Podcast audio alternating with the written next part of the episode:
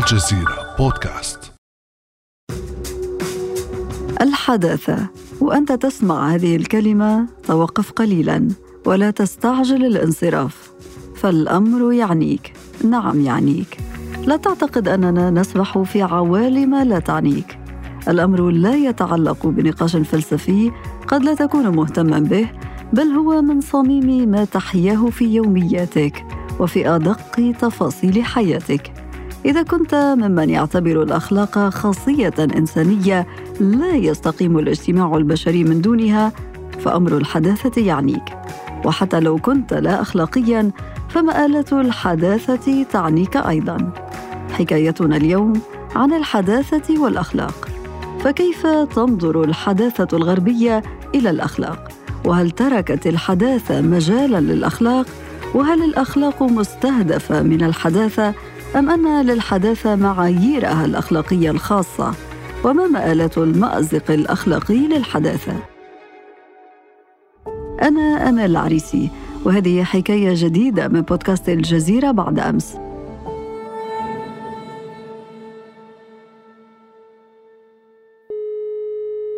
ينضم إلي في هذه الحلقة الدكتور مصطفى مقذوف الكاتب والباحث في الفلسفة الأخلاقية.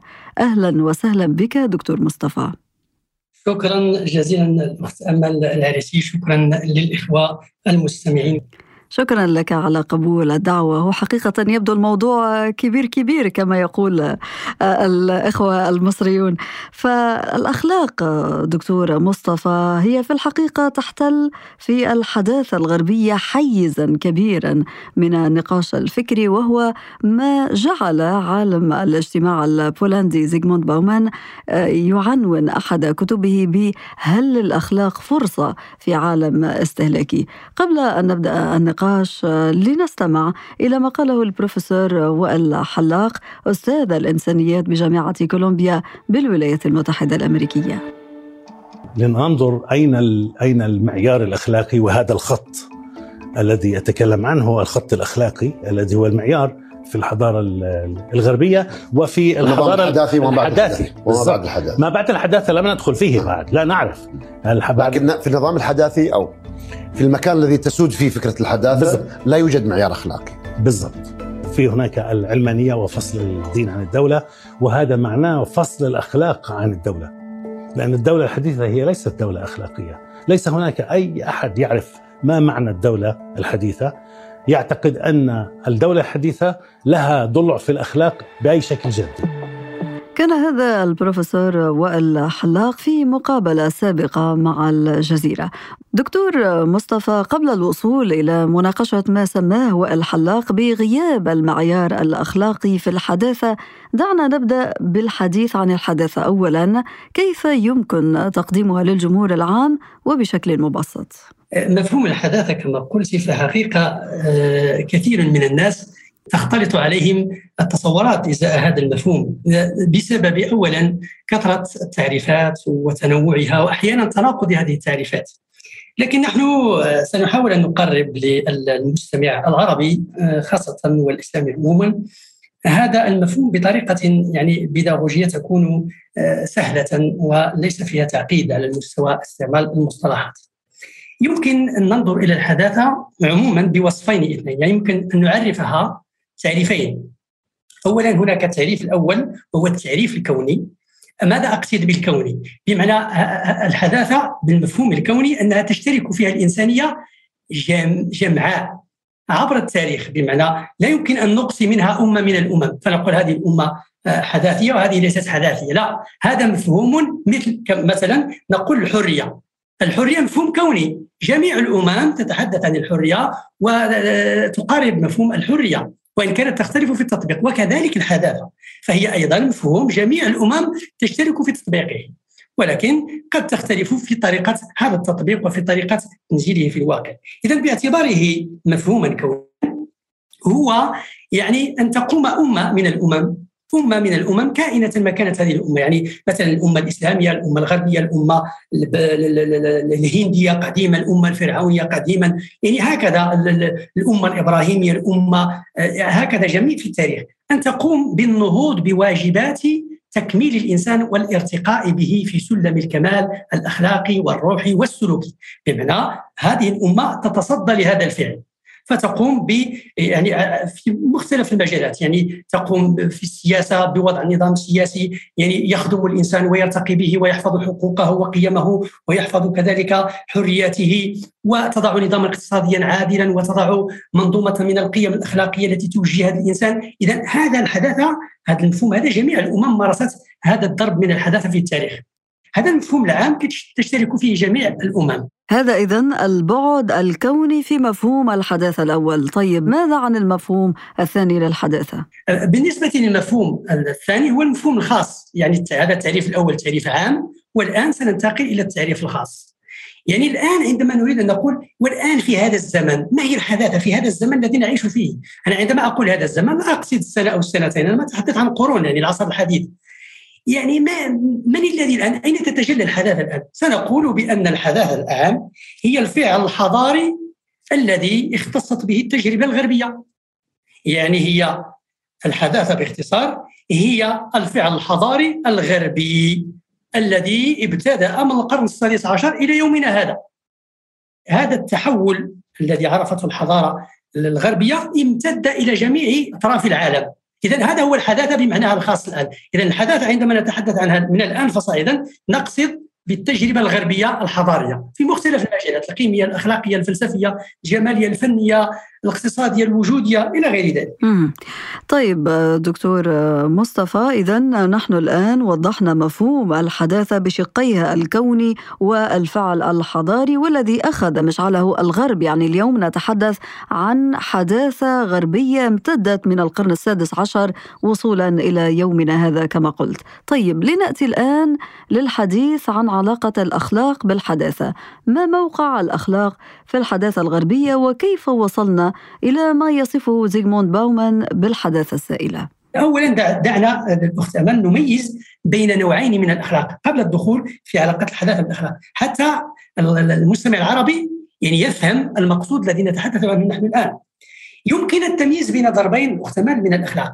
هناك الأخلاق الدينية وهناك الأخلاق الدهرية أو الدنيانية، يعني الأخلاق الدنيا فقط، يعني هي هي أخلاق هي جملة من القيم ولكن يقصد بها الدنيا فقط، أساسها الدنيا ومقصدها الدنيا، وهناك الأخلاق الدينية التي نعرفها وهي القيم الاخلاقيه التي جاء بها الوحي الإلهي والشرع في مختلف الأزمان يعني. إذا رجعنا الآن إلى السياق التاريخي والاجتماعي الذي ظهرت فيه الحداثة باعتبارها فعلا حضاريا غربيا، بدا من القرن 16 كما قلت. إذا رجعنا لهذا السياق انطلاقا من القرن السادس عشر يمكن القول بأن الحداثة الغربية هي في الحقيقة لم تفصل أو لم تنفصل عن الأخلاق بمعناها الإطلاقي كليا ولكن هي قامت بعملية وهي حقيقة بداية للتسلل من الأخلاق. هي عملية فصل الأخلاق عن الدين. فصل الأخلاق عن الدين. ما معنى فصل الأخلاق عن الدين؟ بمعنى أنها قامت بظهرنة الأخلاق. بعقلنة الأخلاق. يعني الأخلاق أضفت عليها طابعا دنيانيا وجردته من البعد الإلهي والبعد الديني والبعد الأخروي. يعني أصبحت تتعامل مع الأخلاق باعتبارها مفهوما عقليا يمكن بناؤه داخل هذا العالم فقط. وقامت بإخراج جميع شؤون الحياة من الدين وأخضعتها للعقلنة الأخلاقية الدنيانية. المعنى المقصود هنا دكتور مصطفى هو أن الحضارة الغربية أو الحداثة الغربية قامت بفصل الأخلاق من مجالها الديني ووضعته في المجال العقلاني إن صحت العبارة. اخلاقيا يمكن أن نقول بأن أنا أنا أتحدث الآن من الناحيه الفلسفية وأنا لست هنا أتحدث يعني بخلفية إيديولوجية ولكن أتحدث فلسفيا هذه يمكن أن نقول بأنها سرقة سرقة سرقة الأخلاق من الدين والتستر عن هذه السرقة. مثلا ساعطي لك امام مثال مثلا مفهوم التضامن شعار الثورة الفرنسية هو في الحقيقة ظهرنا عقلنا لمفهوم الإحسان في المسيحية. هو مفهوم الإحسان في المسيحية. الأخوة كذلك مفهوم مسيحي الأخلاق في الحداثة الغربية مر بطورين كبيرين الطور الأول هو الذي أشرت إليه هو طور الأخلاق الظاهريه حيث عمدت الحداثة الغربية من ابتداء من القرن يعني 16 إلى عقلنه القيم المسيحية الأخلاقية وإضفاء الطابع الدنياني عليها فقط. لماذا الأخت أمل الطابع الدنياني؟ لأن الفلسفة في الغرب عرفت تحولا خطيرا هو أنها يعني آه، كانت تنظر إلى الوجود باعتباره في هذا العالم فقط يعني لا يوجد عالم آخر. يعني بداية النظرة المادية. يعني أنا أقول هذا الكلام لأن ظهرنه القيم المسيحية هو نتاج للنظرة المادية إلى العالم إلى الوجود. هذا هو. إذا هذه المرحلة الأولى. إذا بناء على كل ذلك تم تجريد الأخلاق من بعدها الديني وإضفاء البعد الدنيوي عليها وذلك استجابة لمنطق الحداثة وهو الانفصال عن الأخلاق. هذه هي البداية. إذا بداية علاقة الأخلاق بالحداثة الغربية هي علاقة الحداثة بالأخلاق الدهرية. إذا فالحداثة الغربية قامت على الأخلاق الدهرية المجردة عن الدين الخاصة بالدنيا فقط. وهذه تقوم على النظرة المادية إلى العالم. ثم الطور الثاني الأخت أمل وهو الخطير وهو الطور ما يسمى ما بعد الحداثة. يتميز الآن بظاهرة خطيرة في الحداثة وبمنعطف خطير جدا وهو الخروج من الأخلاق برمتها. محاولة الخروج من الأخلاق. الآن نحن نعيش فترة ما بعد الحداثة الغربية وهي تتميز بمحاولة الخروج من الأخلاق برمتها. ولكن هذه المرحلة من تجريد الأخلاق من بعضها الديني ووصولا إلى الخروج من الأخلاق بشكل كامل كيف تمت دكتور مصطفى؟ آه نعم. يمكن أخت أمال أن نرجع هذا التحول الخطير والمنعطف الذي يهدد الإنسانية يهدد رصيد الإنسانية من القيم. يعني آه، الخروج من الأخلاق برمتها بمعنى نهاية للإنسان. دائما عندما نقارب هذا الموضوع نرجع إلى الأسباب الفلسفية بالدرجة الأولى. طبعا هناك أسباب سياسية ولكن الفلسفة تؤسس دائما. يمكن أن نرجع ذلك إلى ثلاثة أسباب كبرى. الأول الأخت أمال في المنعطف الدارويني أسميه بالمنعطف الدارويني نظرية داروين التي كانت تقول بأن الإنسان ليس سوى تطور للبهيمة أو للحيوان تطور من القردة إلى غير ذلك. هذا هذا المنعطف هذه النظرية صدمت الإنسان الغربي. صدمته صدمة شديدة. لماذا؟ لأن الإنسان الغربي كان يعتقد بأن الإنسان هو مركز الكون لأن الحضارة الغربية قامت على أساس تأليه الإنسان. يعني الإنسان هو المركز. لكن لما جاء داروين بنظريته قال لهم بأن أصل الإنسان هو قرد هو أن مثله مثل غيره من الكائنات تطور عبر التاريخ نتيجة الظروف الطبيعية والجيولوجية والبيولوجية صدم الإنسان الغربي. يعني تزحزحت مكانته من المركز. لماذا؟ لأنه الإنسان كان فوق العرش. كان الإنسان فوق العرش. في المركز هو الشمس. فإذا به يأخذه داروين من المكان من العرش إلى الحضيض. آه، آه، المنعطف السيكولوجي مع فرويد. مع المحلل النفساني فرويد.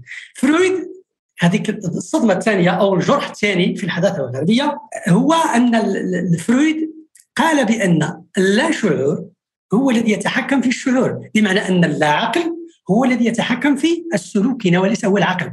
وهذه الضربه الثانية هي الأول زحزحت الإنسان من المركز ثانيا زحزحت العقل من السيطرة ومن التحكم ومن الحقيقة. لأن الغرب بنى على أن العقل يدرك الحقيقة. ولكن هو فرويد قال لهم بأن ما تدركونه في الحقيقة ليس هو إلا نتاج للاشعور الذي لا تدركونه بمعنى اللا عقل اللا عقل هو الذي ينتج هذا السلوك وليس هو العقل. وهذا في الحقيقة صدمة عويصة وصدمة شديدة للإنسان الغربي. هناك المنعطف. الثالث هو المنعطف الماركسي الفلسفة الماركسية.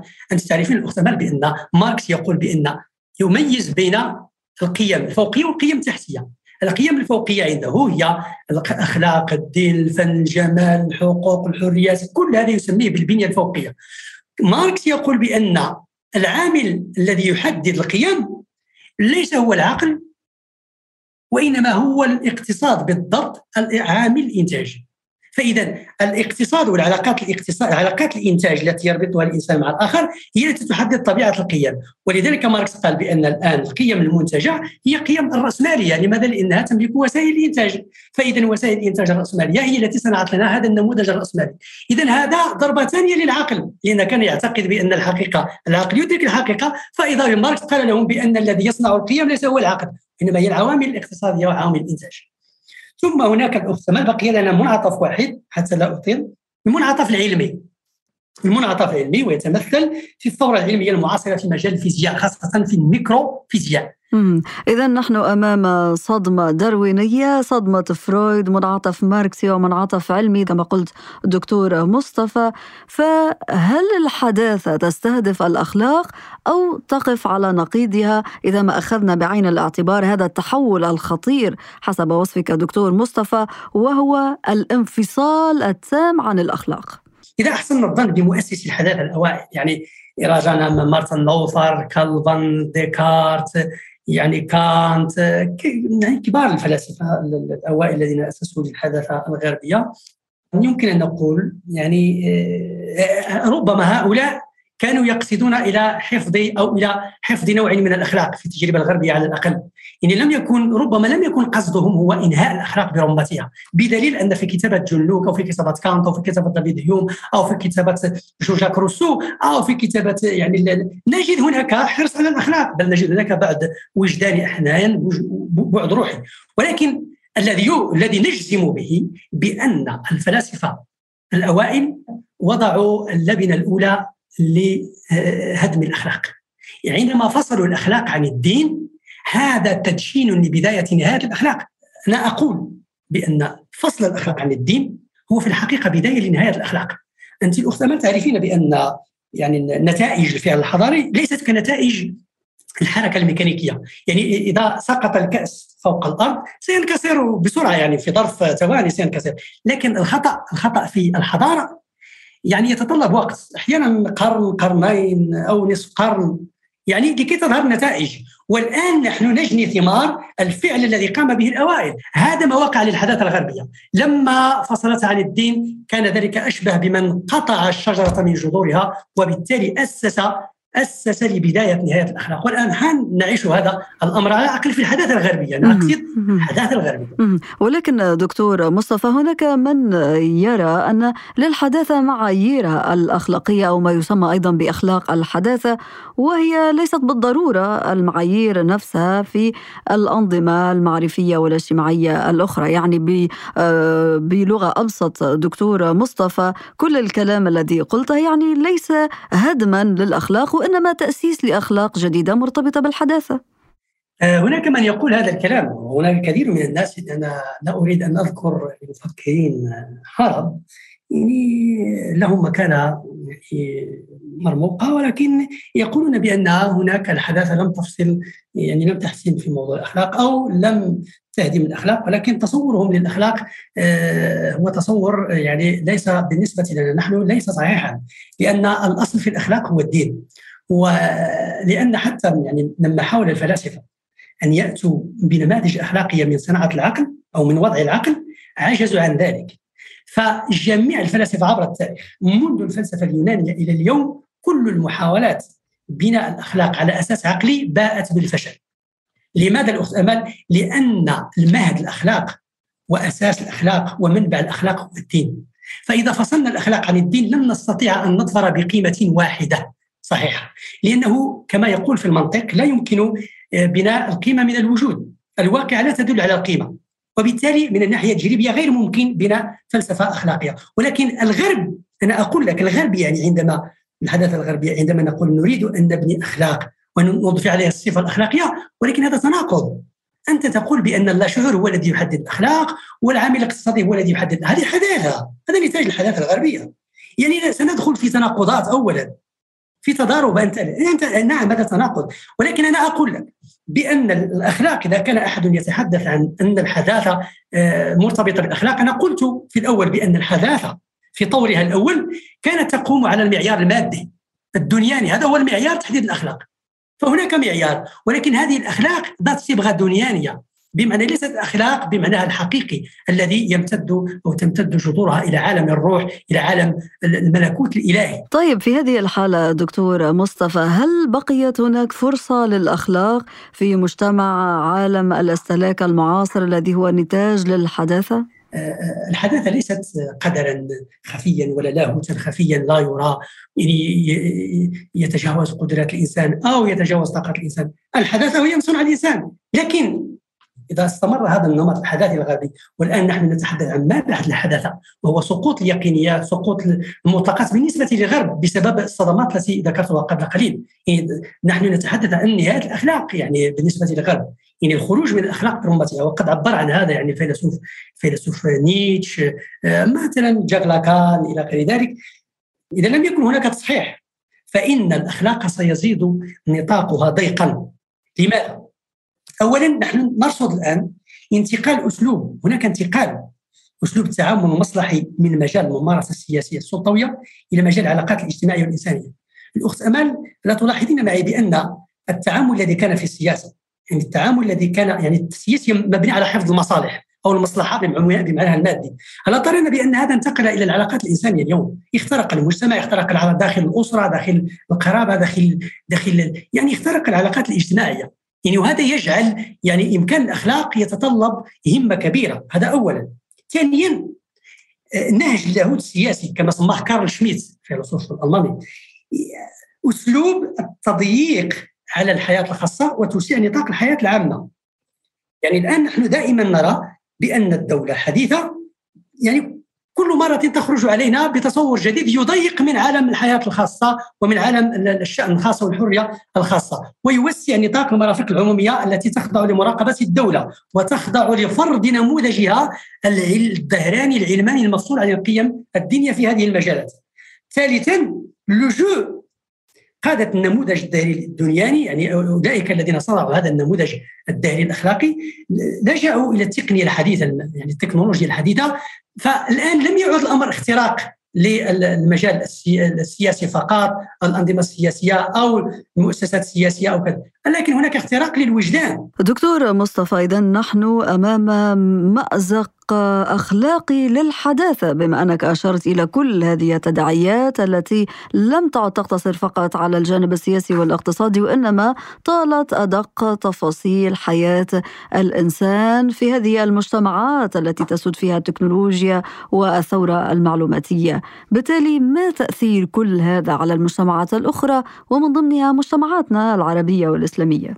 المجتمعات العربية والإسلامية لم يكن لها دخل في صناعة هذه الحداثة يعني هم كانوا بعد الناس عن صناعة هذه الحداثة الغربية، فالمجتمعات الإسلامية العربية اليوم انخرطت في الحداثة الغربية ولكن وفق آلية التحديد القسري.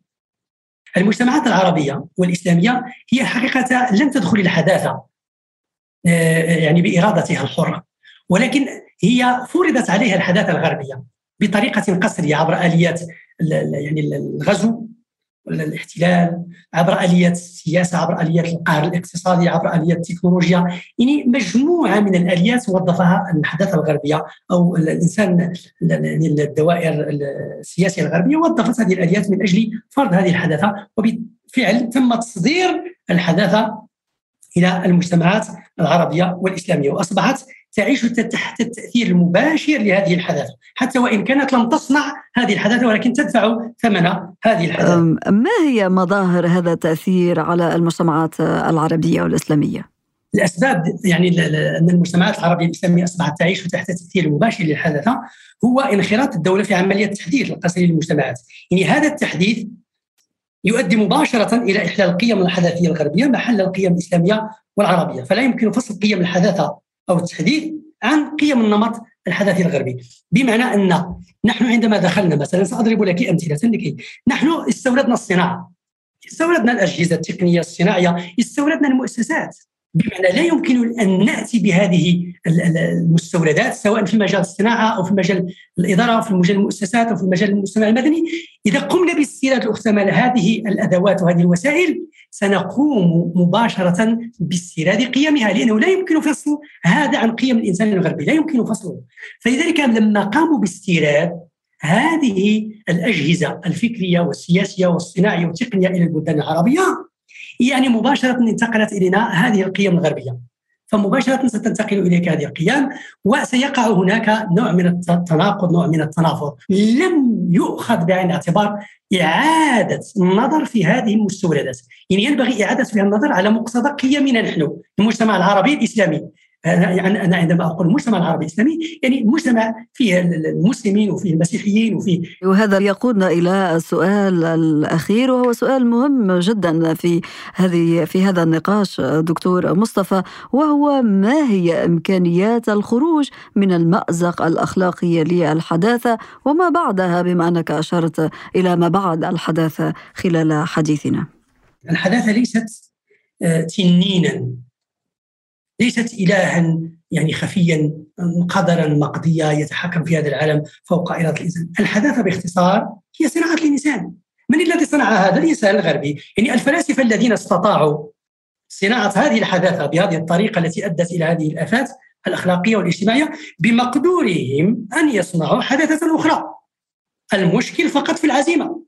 فهمة الإنسان أقوى من الحداثة وعزيمة الإنسان أعظم من الحداثة. ستذهب الحداثة في التاريخ. ستموت الحداثة ستنتهي. وسيبقى الإنسان بقاءه الأول. لكن كيف؟